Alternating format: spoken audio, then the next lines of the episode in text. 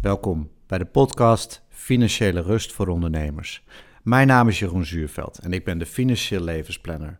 Ik begeleid ondernemers bij het maken van betere financiële keuzes, zodat ze nu en later kunnen leven zoals zij dat het allerliefste willen. Waar ik het vandaag met je over wil hebben is de harde realiteit. Uit um, onderzoek van het CBS, Centraal Bureau van de Statistiek, blijkt namelijk dat de meest populaire manier van ondernemers om financieel vrij te worden is sparen of beleggen. De tweede populairste manier is investeren in je eigen woning. En de derde is geld opzij zetten via een lijfrente of andere fiscale mogelijkheid zoals een pensioenfonds. Die laatste optie die wordt maar nou, in minder dan 10% van de gevallen gebruikt. Dus de meeste ondernemers die iets doen aan, zeg maar, financieel later, die sparen, beleggen of bouwen vermogen op via hun eigen woning. Nou, wat je kan doen bij het Centraal Bureau voor de Statistiek is je kan ook kijken hoeveel vermogen ondernemers en andere mensen in Nederland precies hebben. Niet natuurlijk hoeveel jij en ik individueel hebben, maar binnen bepaalde groepen. En wat blijkt nou als je kijkt naar financiële ondernemers of naar ondernemers in het algemeen, is dat je kan het dan opdelen in groepen van 10% telkens. Dus de 10% die het minste vermogen heeft, daarna 10% de volgende en dan weer 10%. En wat blijkt nou? Dat eigenlijk alleen de top 10% heeft een vermogen waarvan je zou kunnen zeggen... Dat neigt naar financiële vrijheid. Dan kan je met een normaal uitgavenpatroon kan je gewoon zeggen... ik hoef niet meer te werken. Dat zit met name binnen de hoogste 10%. En ik weet dat eigenlijk als je dan binnen die groep kijkt... dat er weer een hele kleine groep is die heel veel vermogen heeft eigenlijk de groep die daaronder zit, dus laten we zeggen de 80 tot 90 procent groep, die heeft al best wel wat vermogen, maar dat zit dus vooral vaak vast in je huis. En, en om die maar gelijk even te ontmantelen, ja, het probleem is als je geld allemaal in je huis zit, en het is natuurlijk een groot goed om bijvoorbeeld je hypotheek af te lossen, want dan heb je later lagere lasten. Maar goed, uiteindelijk, als al je geld vastzit in je huis, heb je wel een groot probleem. Want je kan er namelijk niet bij. Je kan er alleen maar bij door je huis te verkopen of weer een hypotheek te nemen op je huis, waar je dan je hele leven mee bezig bent geweest om die af te lossen. Dus qua liquiditeit is vermogen opbouwen in je huis niet zo heel slim. Uh, tenminste, ik zou het nooit alleen doen. En als je dan kijkt naar, laten we zeggen, dus de 90% van de ondernemers die heeft eigenlijk niet of nauwelijks vermogen. En als je kijkt naar de, de, de groep, zeg maar, tot naar de 50% armste ondernemers, dat gaat vaak over enkele duizenden euro's dat die aan vermogen hebben, soms net 10.000 euro. En de groep tussen de 50 en de 90%, dat loopt een beetje op naar bijvoorbeeld een ton, 150.000 euro. Maar wees nou eens eerlijk. Stel dat jij Misschien heb je dat wel. Heb je een ton op de bankrekening staan of je hebt een ton belegd. Maar stel dat je nou gaat stoppen met werken. Hoe lang kan je daarmee doen? Ja, waarschijnlijk niet je hele leven. Dus het eerlijke feit is, is dat mijn inschatting is, is dat 80% van de ondernemers eigenlijk niet financieel vrij kan worden. Zet gewoon te weinig geld opzij voor later, investeer te weinig om zelf te kunnen bepalen wanneer je stopt met werken. Ik denk dat 10% echt financieel vrij is en de overige 10% die, die gaat het ook wel redden, alleen die zal waarschijnlijk best wel lang moeten doorwerken. En ik vind dit een groot probleem en een grote gemiste kans. En ik zal je gaan uitleggen waarom ik dat vind.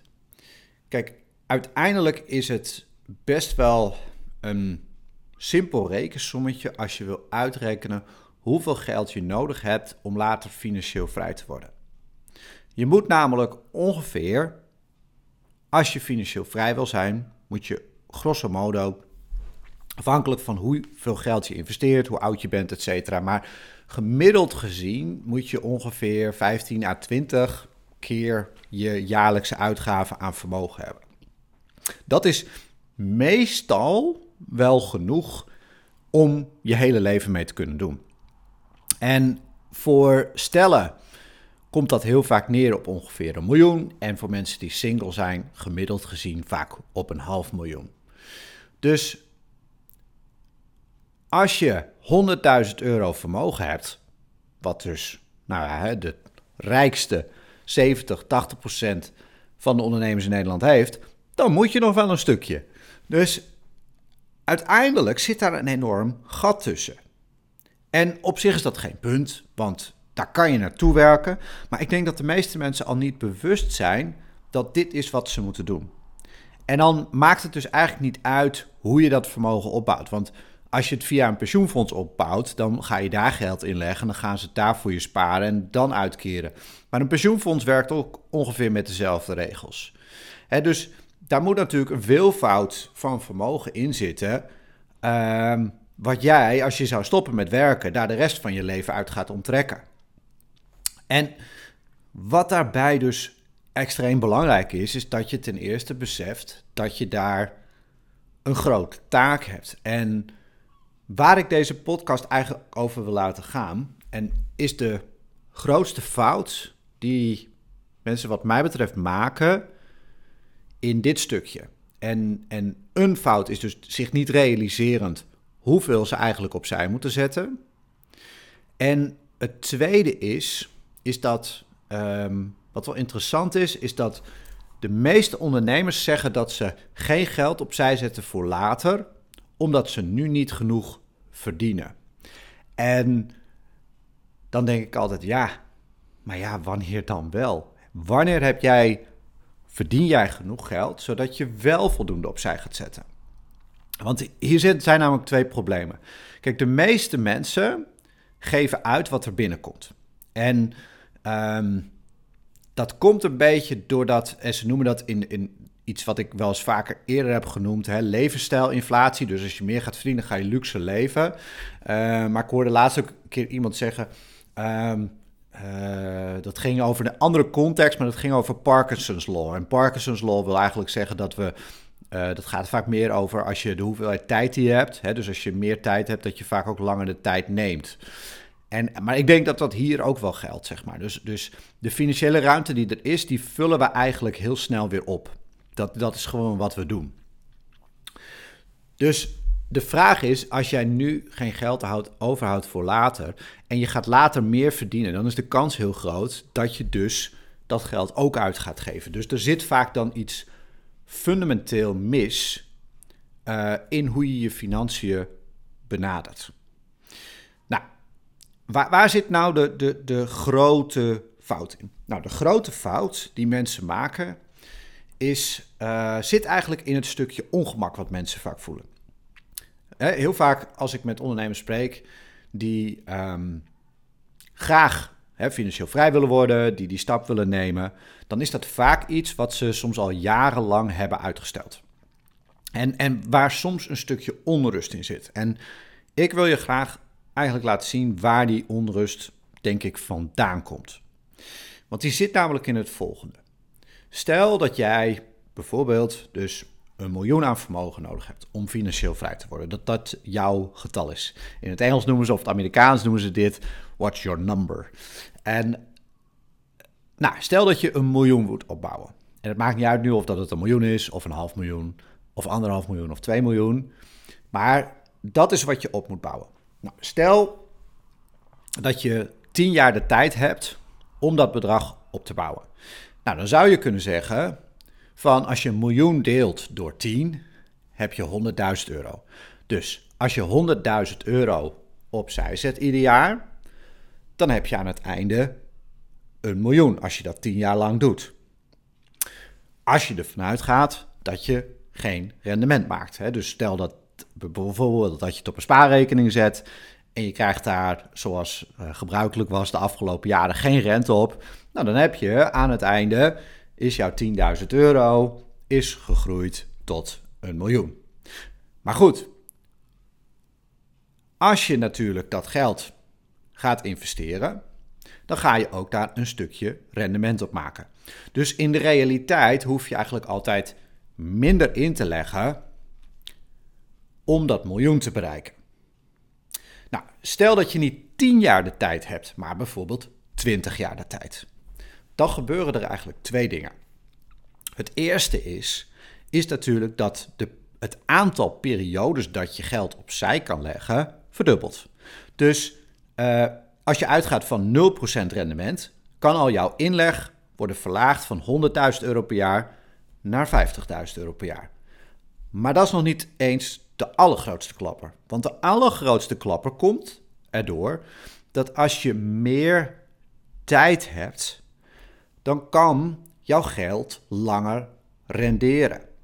En hoe langer jij dus hebt om vermogen op te bouwen, gebeuren dus twee dingen. Je hoeft ten eerste veel minder in te leggen om hetzelfde doel te bereiken, maar ook nog een keer de kracht van rente op rente op rente werkt ook nog eens ineens in je voordeel. En natuurlijk, als je langer hebt, kan je ook meer risico nemen. Meer risico betekent eigenlijk dat jouw investeringen op de korte termijn sterker kunnen fluctueren. Dus als je meer tijd hebt, dan kan je meer risico nemen op de korte termijn. En kan je dus uiteindelijk werken met een hoger rendement. Hoe minder tijd je hebt, des te minder risico kan je nemen. Want ja, stel dat jij over vijf jaar wil kunnen stoppen met werken, dan is denk ik bijvoorbeeld beleggen in aandelen of obligaties is niet zo slim. Want het risico is best wel groot dat op zo'n korte periode dat, dat de beurs bijvoorbeeld een keer volledig tegenzit. Dus dat is vaak niet gewenst. Dus hoe meer tijd je hebt, des te meer risico kan je nemen. Hoeft natuurlijk niet, maar het kan. En je hoeft, doordat je meer periodes hebben, hebt, minder in te leggen. Nou, waar komt dat nou op neer? Nou, eigenlijk als je bijvoorbeeld kijkt naar iemand die een vermogen op wil bouwen van een miljoen. En dit is een beetje een gemiddelde berekening hoor. Maar wat ik al zei, een miljoen is best wel vaak iets waar mensen op uitkomen. Want een miljoen zou uitgaan van een uitgavenpatroon van bijvoorbeeld 50.000 euro per jaar. En dat is best wel gemiddeld in Nederland op dit moment. Hè, voor bijvoorbeeld een gezin. Dus, uh, en daar zit dan alles in, hè, wat je doet. Dus daar zitten uh, uh, alle kosten die je maakt voor je huis, de boodschappen die je doet, de auto die je rijdt, de vakanties, de dingen. Nou, dat, dat telt vaak best wel aardig op. En um, Stel dat je dus moet toewerken naar een miljoen euro. Wat betekent het als je één jaar wacht met het opbouwen van het vermogen? Dus als je een jaar wacht, dan neemt sowieso neemt het aantal periodes al af waarin je geld opzij kan leggen. Dus dat, daar heb ik het hier niet eens over. Maar ik heb het puur over het totale bedrag wat je extra moet inleggen, doordat je minder profiteert van rente op rente. Nou, en bij een miljoen, en dit is dus echt een gemiddelde, kost één jaar wachten ongeveer 20.000 euro. En dan moet je even terugpakken naar die opmerking, die wat uit het onderzoek kwam van het CBS, dat dus de meeste ondernemers geen geld opzij zetten voor later, omdat ze niks overhouden, omdat ze niet voldoende inkomen hebben. Maar eigenlijk niets doen kost ze dus ook 20.000 euro. En dus eigenlijk moeten ze exponentieel meer inkomen gaan genereren om eigenlijk dat verschil goed te gaan maken. Nou, hoe pak je dit dan aan? Want ja, stel dat je in zo'n situatie zit, hè, dus hoe, hoe ga je hier dan mee om? want je kan zeggen, ja, uh, hoe ga ik dan meer geld verdienen? Of misschien moet ik dan gaan bezuinigen, of wat, wat moet ik dan gaan doen? Nou, ik geloof dat er eigenlijk twee dingen zijn die je kan doen. Kijk, ten eerste moet er dus een goede balans komen tussen je, uh, het inkomen wat je hebt, je uitgaven, maar dus ook hoeveel geld je hebt om opzij te zetten. He, daar moet gewoon een, een, een balans tussen zitten. En dan heb ik het dus nog niet eens over hoe je dat geld gaat investeren. Maar het is gewoon verstandig om een deel van je geld eigenlijk opzij te zetten en te investeren. En als je heel jong nog bent, dan kan dit misschien 10% van je inkomen zijn. Ik heb zelf altijd 30% aangehouden. Ehm, maar laten we zeggen, ergens tussen de 10 en de 30% is denk ik best wel verstandig, afhankelijk van hoeveel tijd je wil nemen, et cetera. Dus dat betekent eigenlijk dat je, nou, als je zou kijken naar je huidige inkomen, dat dat dus niet hetgene is wat je uit kan geven. dus daar is denk ik belangrijk om daar keuzes in te maken. Maar dat zijn natuurlijk niet, laten we zeggen, de allerleukste keuzes om te maken. Want het betekent heel vaak dat je moet gaan besparen op je uitgaven. Dus het is eigenlijk aan de andere kant is het natuurlijk veel interessanter om te gaan kijken hoe kan je je inkomen verhogen. En hoe kan je dat doen? En de uitdaging die daarin zit, is dat het verhogen van je inkomen ehm, ook iets kost. En ehm, heel veel mensen denken dan alvast hè, vaak aan bijvoorbeeld meer uren werken. Dat kan een oplossing zijn. Stel dat jij interimmer bent en uh, je hebt een hoger inkomen nodig. En, en je werkt nu bijvoorbeeld drie dagen in de week, dan kan je vier dagen in de week gaan werken. Maar dat is dus wel een prijs te betalen, namelijk jouw tijd. En misschien wil je die tijd wel liever aan iets anders besteden. Maar dat is denk ik altijd wel oké, want eigenlijk als je heel helder hebt hoeveel vermogen jij op moet bouwen en hoeveel je daarvoor zou moeten werken, dan kan je ook een soort van uh, afweging maken hoe belangrijk uh, die doelen voor jou zijn. Hè, wat is nou belangrijker? Is het belangrijker dat je een bepaalde levensstijl hebt of dat je nu tijd voor jezelf hebt bijvoorbeeld? En dat je daar een soort van evenwicht in gaat vinden. Een andere manier om uh, meer inkomen te genereren en dit is eigenlijk met name iets wat je eigenlijk alleen maar kan doen als je ondernemer bent. Dat is ehm, dat je gaat kijken hoe je meer geld kan verdienen in minder tijd. En om dat te doen, um, denk dat je altijd twee dingen moet uh, doen. Dat is ten eerste is dat vaak om te zorgen dat je waardevoller bent. Hè? Dus, dus dat je je tarief kan verhogen. En dit is eigenlijk iets wat natuurlijk, uh, of dat je nou ondernemer bent, of je bent uh, intermer, of je bent in loondienst, kan je dit altijd doen. Je kan investeren in jezelf, waardoor je bijvoorbeeld, uh, als je in loondienst bent, een hogere functie kan vervullen. Of dat je als interimmer complexere klussen kan doen, doordat je een opleiding hebt gevolgd. Dat is natuurlijk ook een manier om eigenlijk in dezelfde tijd meer geld te verdienen.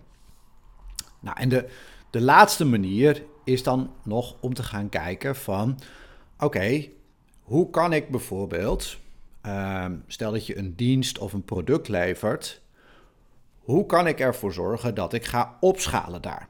En ehm, dat kan dus zijn doordat je bijvoorbeeld personeel in dienst neemt, ehm, maar dat zou ook bijvoorbeeld kunnen door te kijken van, kan ik misschien een bedrijf creëren wat ik ooit kan verkopen, wat, wat, wat bijvoorbeeld zonder mij kan dragen. En dan zullen heel veel mensen direct zeggen: ja, maar dat wil ik niet. Ja, maar dit is dus die prijs die je daarvoor moet betalen. En dat is dus net zoals de vraag van wil ik meer werken. Je hebt dus als ondernemer de kans om meer te verdienen in minder tijd. Alleen dat vraagt wel iets van jou. Dat vraagt bepaalde stappen die je moet zetten. En ik denk dus dat je, wat, wat, wat ik eigenlijk die, die 80, 90 procent zou aanbevelen, die um, hopelijk dat ze allemaal deze podcast horen en dat ze zich realiseren dat er wel iets moet gebeuren, is eigenlijk vanaf dat punt gaan terugredeneren welke, hè, welke keuzes en welke kosten ben ik bereid om te nemen om dat doel te bereiken. En om daar eerlijk over naar jezelf te zijn. En als je niet bereid bent om die kosten te nemen, door de stap te zetten naar bijvoorbeeld een bedrijf met personeel of door meer uren te werken of wat dan ook. Dat is denk ik prima, is iedereen zijn eigen keus. Maar dan moet je dus ook accepteren dat je of nooit financieel vrij wordt, of dat je met minder vermogen uiteindelijk aan het eindstreep staat, waardoor je een hele andere levensstijl zou moeten aannemen. dus dat is denk ik allemaal oké, maar mijn missie is eigenlijk om wel dat je die confrontatie aangaat. Dat je daar bewust van wordt en dat je daar een bewuste keuze in maakt. Ik denk dat dat al een enorme winst zou zijn als je dat doet. Nou, wil jij weten hè, wat jouw getal is? Ehm, ga dan eens naar mijn website, daar zet een rekentool. Dan kan je op basis van jouw uitgavenpatroon een bedrag uitrekenen. En uh, dan zit daar vervolgens achter dat je uh, een gratis video van mij kan downloaden. Waarin ik nog een aantal tips geef over hoe je dit aan kan pakken. En hoe je makkelijker en sneller um, dat bedrag wat je nodig hebt kan realiseren. Want dat is wel, denk ik, de praktijk is dat. Dus naast dat je stopt met uitstellen, wat, wat enorm veel oplevert. Maar als je investeert in dit, deze kennis, in wat jij nodig hebt, wat je doet, zie ik gewoon dat je het bedrag wat je in moet leggen om het doel te bereiken, echt significant kan verlagen en daarbij ook nog de kans toeneemt dat je je doel gaat bereiken. Dus het kan vaak veel makkelijker dan de mensen denken, maar de grote valkuil is dus uitstellen. Uitstellen maakt het gewoon complexer en maakt de prijs om het te bereiken steeds hoger. Dus mijn tip is echt, doe dat vooral niet. Um, nou, wil je meer weten? Kijk op www.financieellevensplanner.nl. Dankjewel voor je aandacht en ik hoop dat je de volgende keer weer luistert.